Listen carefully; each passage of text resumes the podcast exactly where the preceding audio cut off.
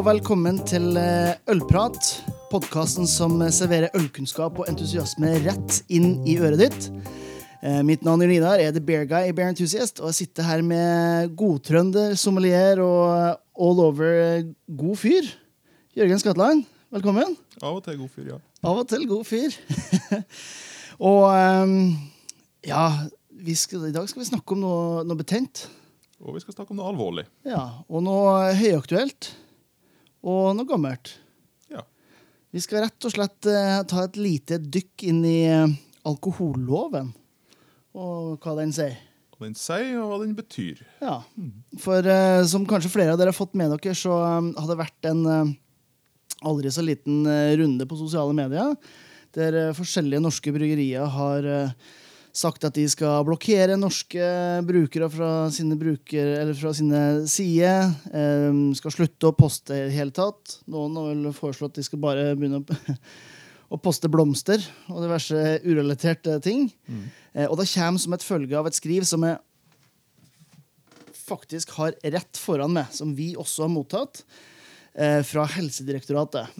Og det er et uh, åtte sider langt eh, eh, lite blekke som er sendt av eh, Tuva Norum eh, på vegne av Øyvind eh, Gjæver, eh, avdelingsdirektør i eh, det o så farlige Helsedirektoratet. Jeg skal ikke gå i noe vi skal ikke gå så i dybden på akkurat den, men jeg kan jo bare lese overskriften.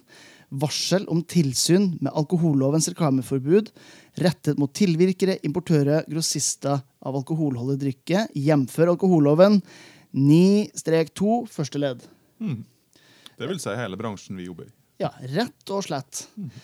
Ehm, og vi skal ikke gå i detaljer på hva det her skrivet sier, men kort fortalt så er det rett og slett en oppsummering av eh, hva man har lov og ikke har lov til å gjøre med hensyn til alkohollovens reklameforbud. reklameforbud. Og det er- ligger, mye av det ligger egentlig i grensesnittet mot formidling også, av kunnskap.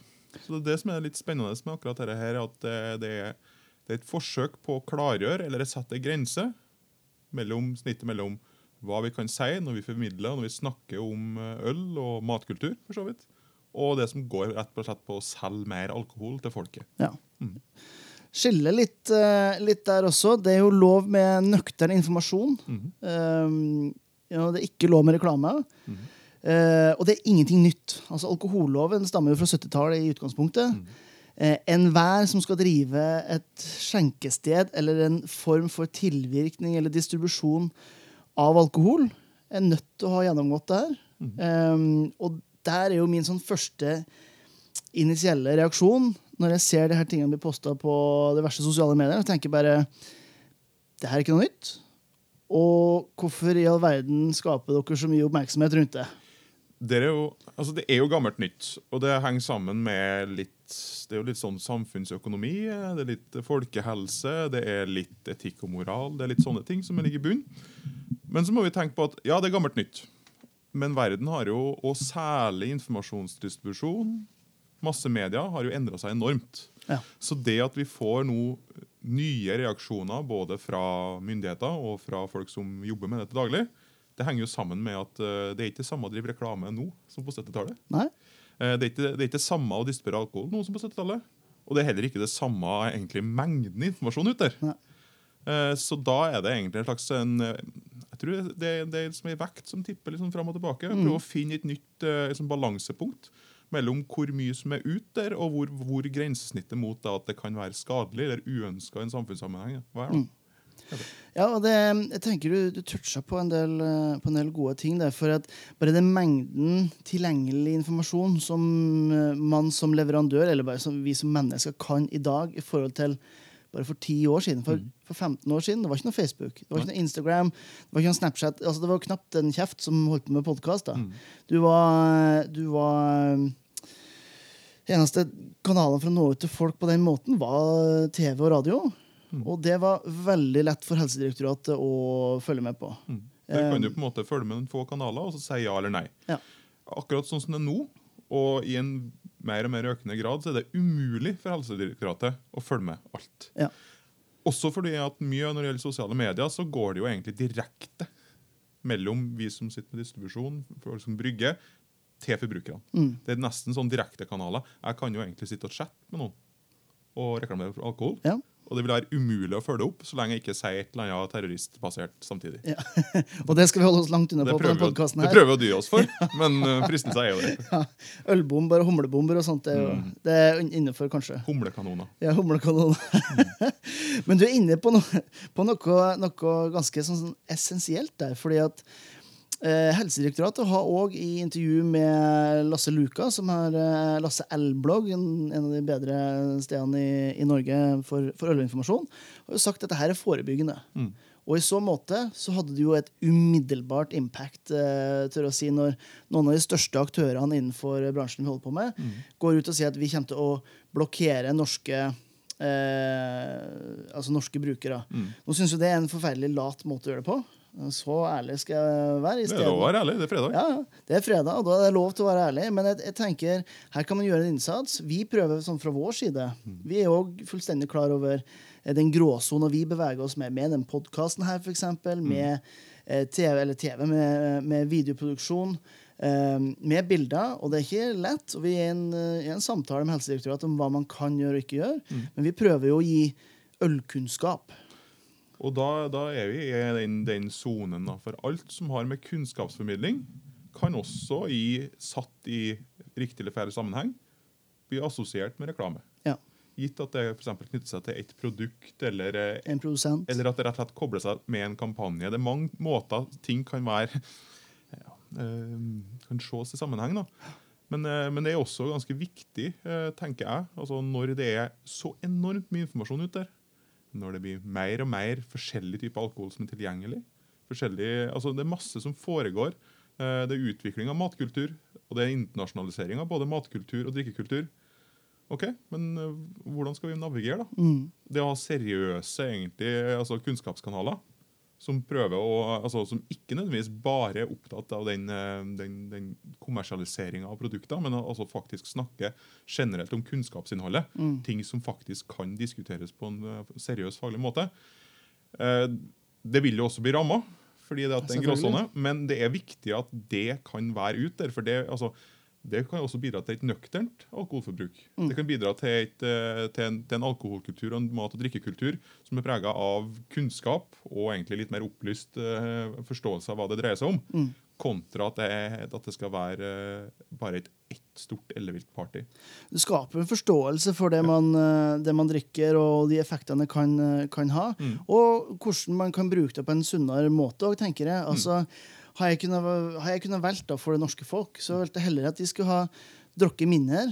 Og drukket helst litt bedre, Mm. sånn på generell basis. Eh, men kanskje viktigere, ikke sentrert alt av konsumet sitt i denne partyfredagen og spinnvillørdagen. Altså det er, det er en det er sånn konsentrert alkoholkonsum i, i Norge som går på de her to dagene, som er helt vanvittig. Jeg fra, jeg har jobba i Vinmonopolet sjøl, og ideelt sett, sjøl på store Vinmonopol, så, så har de jo hatt én ansatt som har jobba mandag til torsdag, og så alle andre kunne komme og jobbe eh, på fredag og lørdag. Nå er jo selvfølgelig ikke det realistisk, da, eh, og varierer fra sted til sted, men ikke sant, det her små vinmonopolene som, som har åpent i dag, altså de bitte små, de som er eh, kategori 1 eller kategori 2, de har jo ikke åpent hele uka.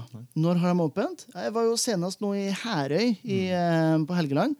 Eh, åpent fredag og lørdager. Og hvorfor det? For at vi konsumerer alkohol på fredag og lørdager. Og det er ikke en, det er ikke en bra kultur. Det, det, all, altså Alle følgene som kommer med stort inntak av alkohol på, på såpass eh, konsentrert tidsrom, eh, det er ikke Da sunt for noen. da får vi veldig mye av de uønska konsekvensene av Ja. alkohol, og kanskje mindre av det som er da en mer sofistikert eh, drikkekultur. Da. Mm.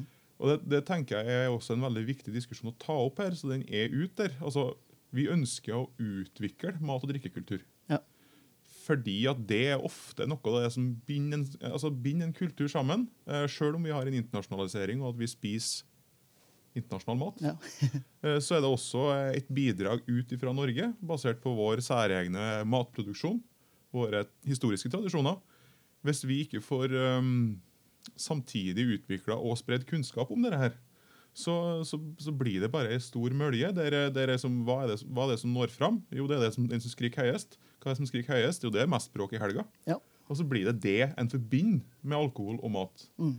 Og det er ikke nødvendigvis det som er det mest eh, ønskelige eller sofistikerte muligheten vi har. ute der da. Så da kreves det en litt sånn mer finmaska nyansering av hva det alkohol og, eh, alkohol og mat handler om. Hva det, hva det er som er markedsføring, Mm. og hva det er som handler rett og slett om å utvikle kultur og kunnskap. Og jeg, jeg tenker det, det med å skrike høyest, det er jo litt der man er også med, med hensyn til alkoholloven. Og for min del så vil jeg heller være i et såpass begrensende alkoholmiljø som Norge faktisk er, med de Ja. regelverkene vi har, framfor alternativet, da, altså i verste fall anarki. da.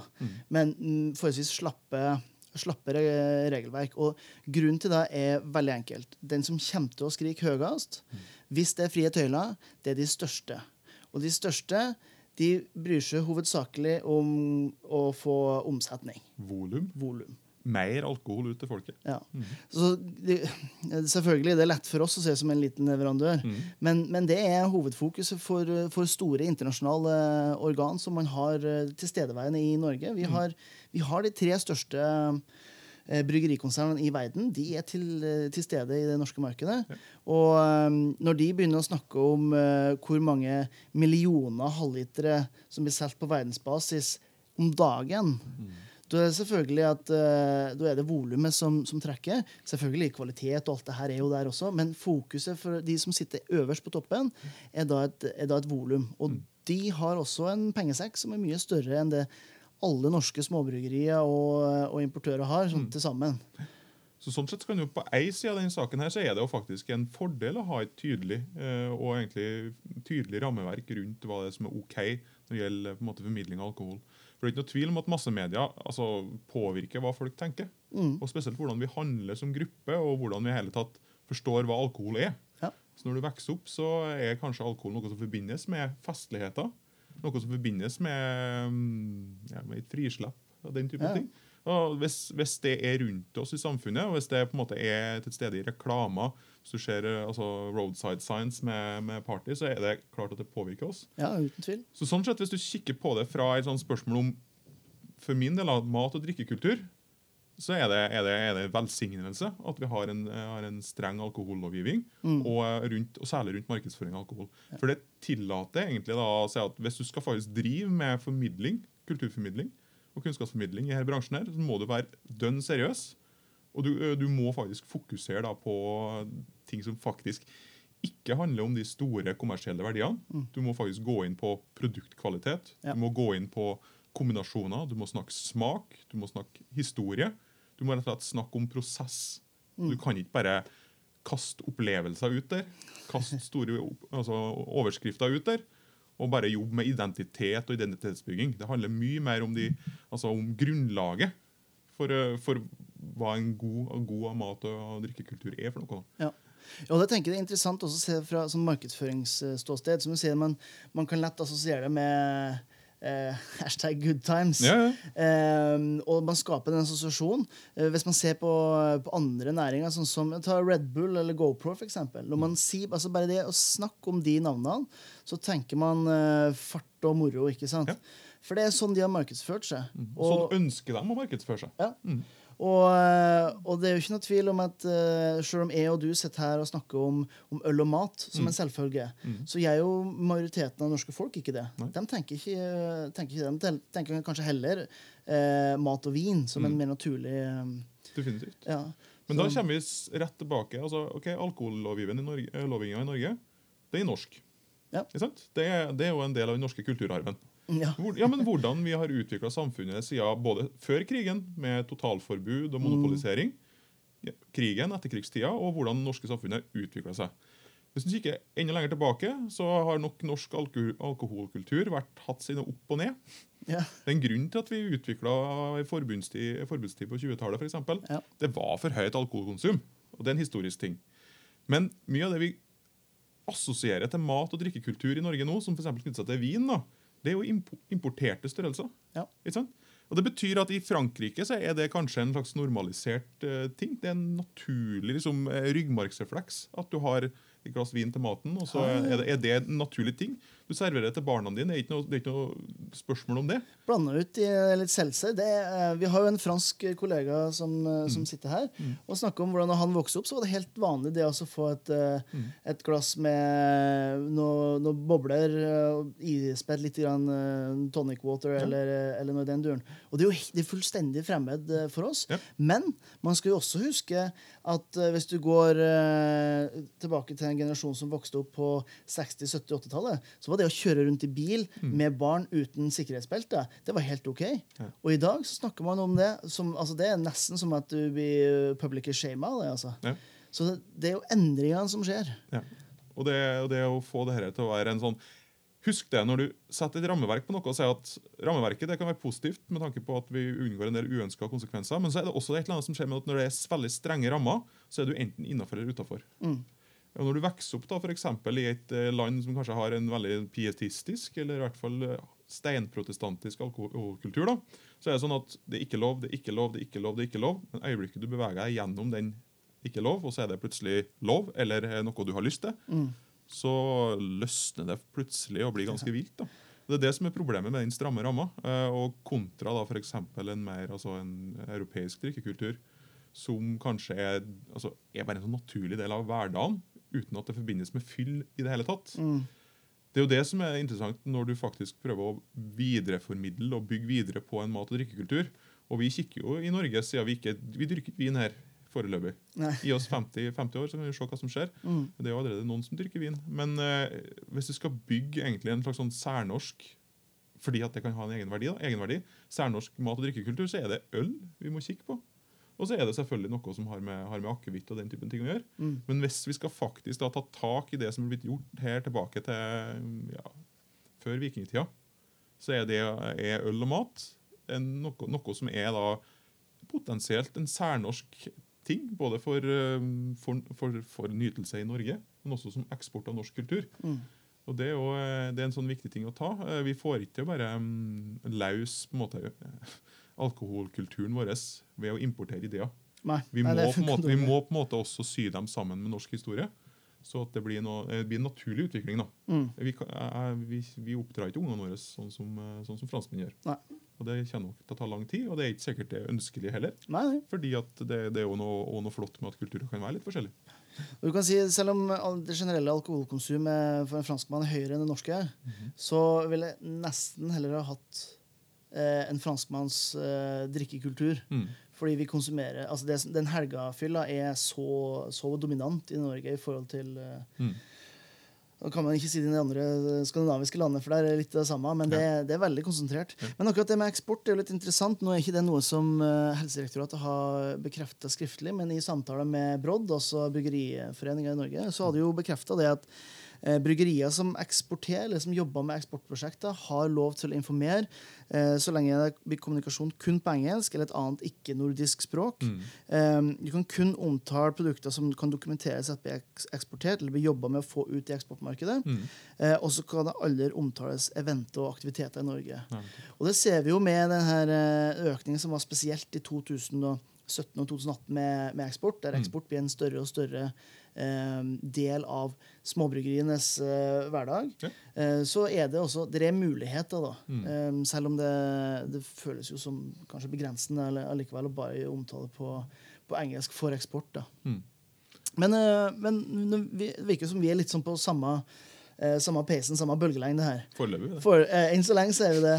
Eh, men hvis du, hvis du kunne gjort én endring i alkoholloven i forhold til, til i dag, hva ville vært eh, noe du ville ha, ha satt pris på og brukt tid på? Det er faktisk et ganske godt spørsmål. Jeg er jo på ingen måte jurist eller, eh, eller tenker på det på den måten der. Men det er et eller annet da med hva det, hva det er som faktisk skjer når du prøver å opprette veldig strenge skiller. Og det er på en måte også en, en ting i Norge som det, bygger, det, er et eller annet, det er et eller annet med samfunnsstrukturen vår som også underbygger og forsterker en del av de negative konsekvensene med alkoholbruk. da. Mm. Eh, Det er, en, det er en viss grad av stigmatisering av det. Altså, Det godtas helgefyll fordi at det å drikke litt hver dag ja, kan ses på som alkoholisme. eller noe sånt. som det. Ja, okay. Og det, det her har nok dype kulturelle røtter i, altså i, både i religiøse størrelser. altså det vi har, Alkohollovgivningen vår er også prega av at vi har hatt uh, politiske parti med, med, religiøs bakgrunn.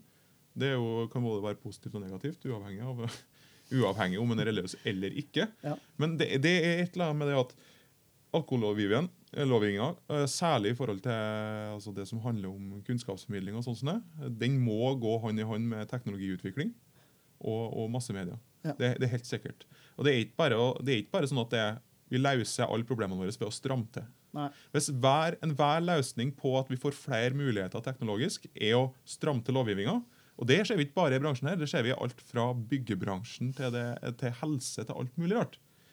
Så, så, er det på en måte en, en veldig sånn mm, lite sofistikert approach. For at folk får tak i det de vil få tak i uansett. Ja. Uh, det, er, det, høres ut som jeg driver med snakker om liberalisering nå. Det er ikke det jeg mener. Jeg mener at det er på en måte flere måter å tenke på, og hvordan en på en måte Allerede, allerede i barndommen nå, Allerede, med, altså, allerede, når folk skal lære seg om hvordan du faktisk kan, eh, kan og skal bruke mat og drikke sammen. Mm. At det kan normaliseres, sånn at du ikke sitter når det er som i Trøndelag når du er 16. 'Nå skal du drikke, gutten min!' Ja. Det var ikke sånn, det var, Unnskyld, pappa. Jeg mente ikke sånn. uh, så, uh, så, det er et eller annet med den enten-elleren mm. som like gjerne skaper sånne heftige pendeleffekter i en eller annen retning. Ja. Uh, jeg tror ikke at Norge er tjent med å for Uh, eh, selge alkohol i dagligbutikker eller uh, alt mulig rart. Uh, utslett Vinmonopolet og sånt. Nei. Jeg tror det er en positiv ting. Jeg tror det er en kontrollert måte å gjøre det på. Jeg tror tilbudet og kvaliteten og, kun, og kunnskapen, og kunnskapen blir servert med. Er, er bedre. Men jeg, jeg, er litt sånn uh, sokratisk i, min tilnærming til det. Altså, jeg tror at uh, mye av det som er, neg en negativ alkoholkultur, da, knytter seg til lite kunnskap. Mm til at folk rett og slett ikke har andre fortolkningsalternativer enn det første som kommer inn i hodet deres. Men øyeblikket vi begynner å reflektere om mat og drikke som et kulturfenomen, øyeblikket du begynner å faktisk å tenke på at oi, men dette har jo negative sider også.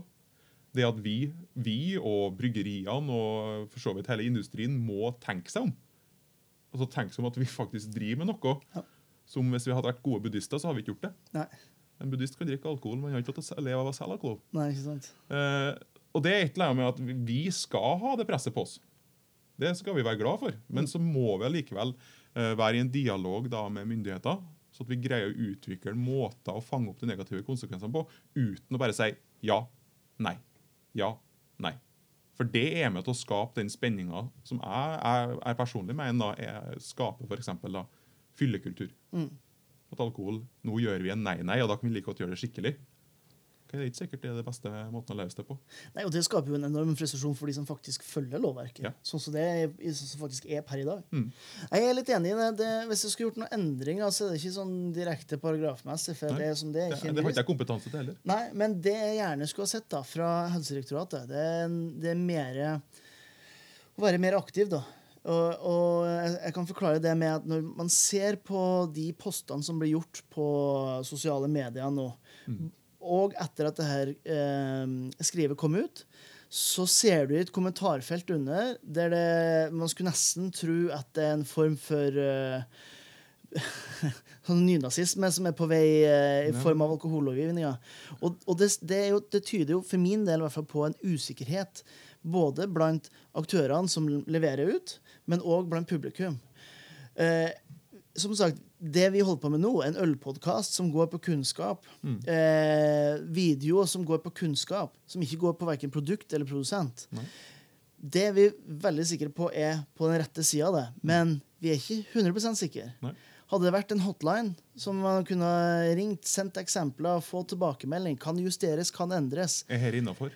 Er det, er det her ålreit? Mm. Det tar bort den usikkerheten som gjør at det blir rykter og dårlige altså det blir, det, det blir slett Usikkerheten ja. blir så stor at man går for det verst tenkelige scenarioet i de fleste tilfeller. Du sier noe veldig viktig der, eh, og dette har du sett et eksempel på i samfunnsutviklinga. Det du etterspør, er dømmekraft mm. i utøvelse av alkohollovgivning.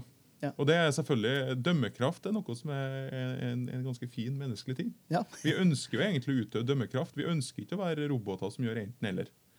Og Det betyr at det betyr jo merarbeid. Det er enklere å si at hm, la meg se litt på det, la meg vurdere den saken her. Eh, hvordan skal det bli rettferdig? Hvordan skal det ene og andre avgjøres? Skal, er det en demokratisk prosess? Favoriserer det altså, eh, ja, dem som kjenner, kjenner riktige folkene? Mm. Det er problemet, det òg. Men, eh, men utvikling av dømmekraft parallelt med utvikling av teknologi og uh, utvikling av kulturen generelt, da, det, vi, det, vi, kommer ikke unna det. Vi kan ikke bare for, jo mer vi forbyr, jo strammere blir rammene, og jo mer får vi lyst til å gjøre noe galt. Sånn er det i hvert fall til meg. Mm. Da får jeg lyst til å gjøre noe galt. Eh, nå husker jeg ikke hva de heter, men det her um, de som driver og sjekker på flyplassene i, i USA Ja. PSAT så går det- ja, Det er i hvert fall de som driver og sjekker, de som vi bruker Veritas og alle her til i Norge.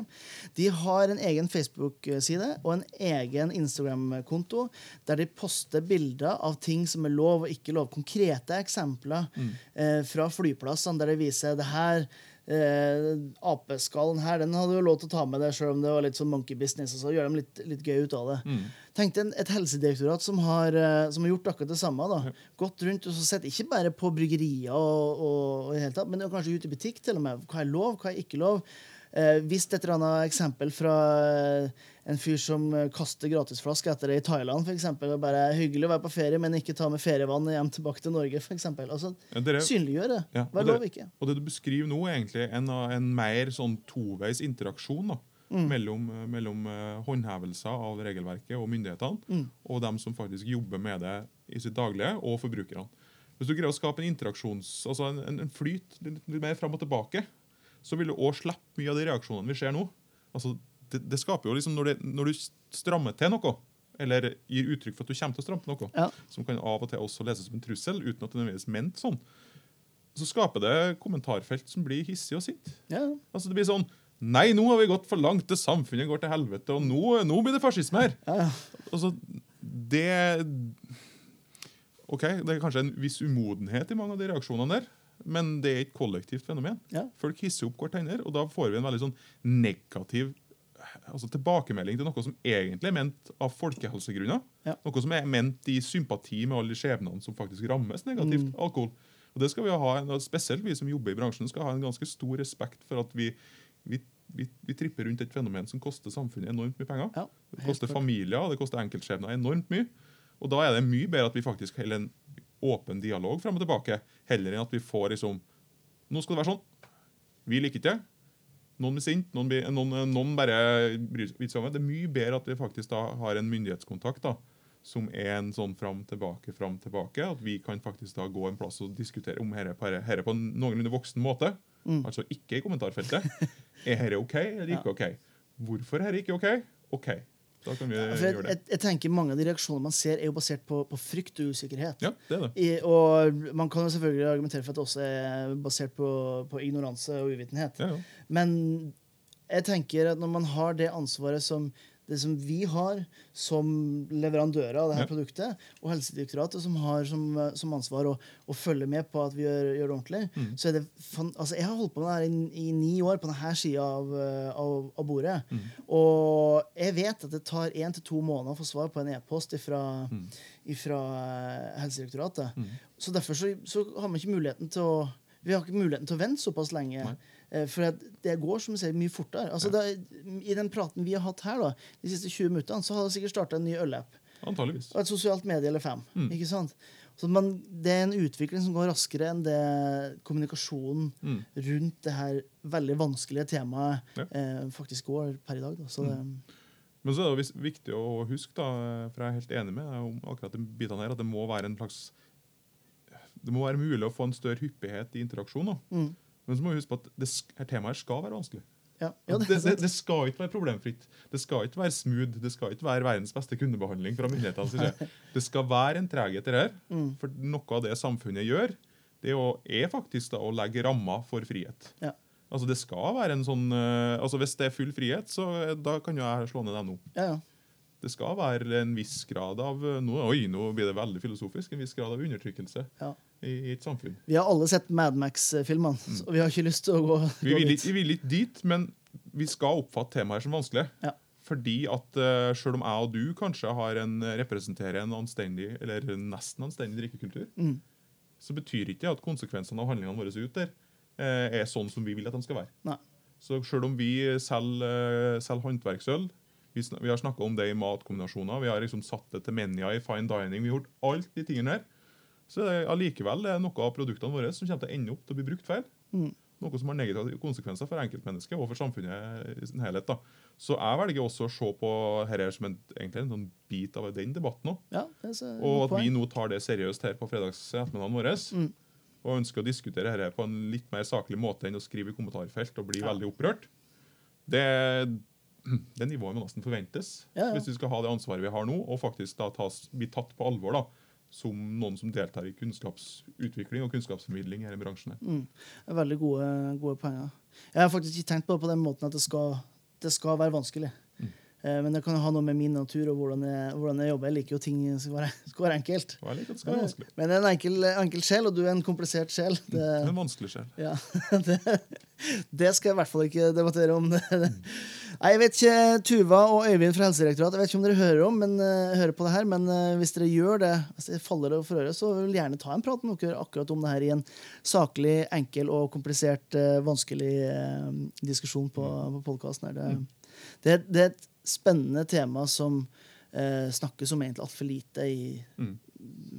på voksent nivå. Ja, det og ja, diskusjon, diskusjonsnivået da, faller ofte enten ned på et sånt kommentarfeltskrik og skrål-nivå. Mm. Sinne. Uttrykk for sinne og frykt og redsel. Eller så blir det forsvinner opp i skyene til at det liksom Nå kommer det fra oven at sånn er det. Ikke ha noe kommentar. Ja, det er jo litt, eh, altså jeg tenker eh, Med alkohol og vin og diskusjon rundt det, det faller jo inn i kategorien som eh, diskusjon rundt religion, politikk, Vi har allerede miljø. vært innom det her. Ja, ja, ikke sant? Så det, um, og da tenker jeg jo mer, jo mer åpenhet og, og aktiv kommunikasjon man har, Ja. jo, jo mindre usikkerhet og frykt eh, blir det, som man ser utspeile seg i både kommentarfelt og, Ja. og her og der. Så um, jeg tror vi skal la det være det siste, siste vi ser. Hvis du har noe å, å tilføye helt på, på slutten? Nei, jeg tror vi har kommet oss gjennom en del, Ja. interessante, en, del interessante tema som her er, det her lille skrivet da berører. Ja. Og, det som, og diskusjoner som egentlig bør opp og fram. Og tas litt på alvor både i bransjen, hos forbrukerne, men også på myndighetsnivå. Mm. Og det, det er jo ikke ferdig diskutert, eh, bare for at jeg og du har pratet om det. det her til, altså Regelverket har vært i eh, snart 40 år. Mm. Eh, så det, man er ikke ferdig å diskutere det i 2019. Man kommer ikke til å være ferdig med det på men mest sannsynlig noen gang. Nei, det skal, det, Vi skal ikke bli ferdig med det. Ikke før noen sier at nei, det er ikke lov å diskutere. Nei. Og da har samfunnet allerede gått for langt. Ja, ikke sant? eh, hvis eh, du som hører på har noen eh, synspunkter, noen kommentarer til det her temaet, så send oss gjerne en, en melding på Facebook, eller du kan sende oss en e-post på postkulla for beerenthusiast.no. Eh, hvis du har noen forslag til tema, så er vi vidåpne for alle gode diskusjoner her, eh, her på Ølprat. Eh, om det måtte være om ølstiler, alkoholpolitikk, popmusikk og øl. Altså det, vi, er, vi er med på, på det meste, så alle gode forslag tar vi imot med, med, med stor takk. Um, ja, jeg tror ikke vi skal si så veldig mye mer. Det er fredag, så vi skal begynne å nærme oss helg. Uh, og så skal vi bare minne alle dere herlige millioner av mennesker der ute som hører på denne podkasten at uh, gode folk fortjener alltid godt øl. Hei så lenge. Tudelu.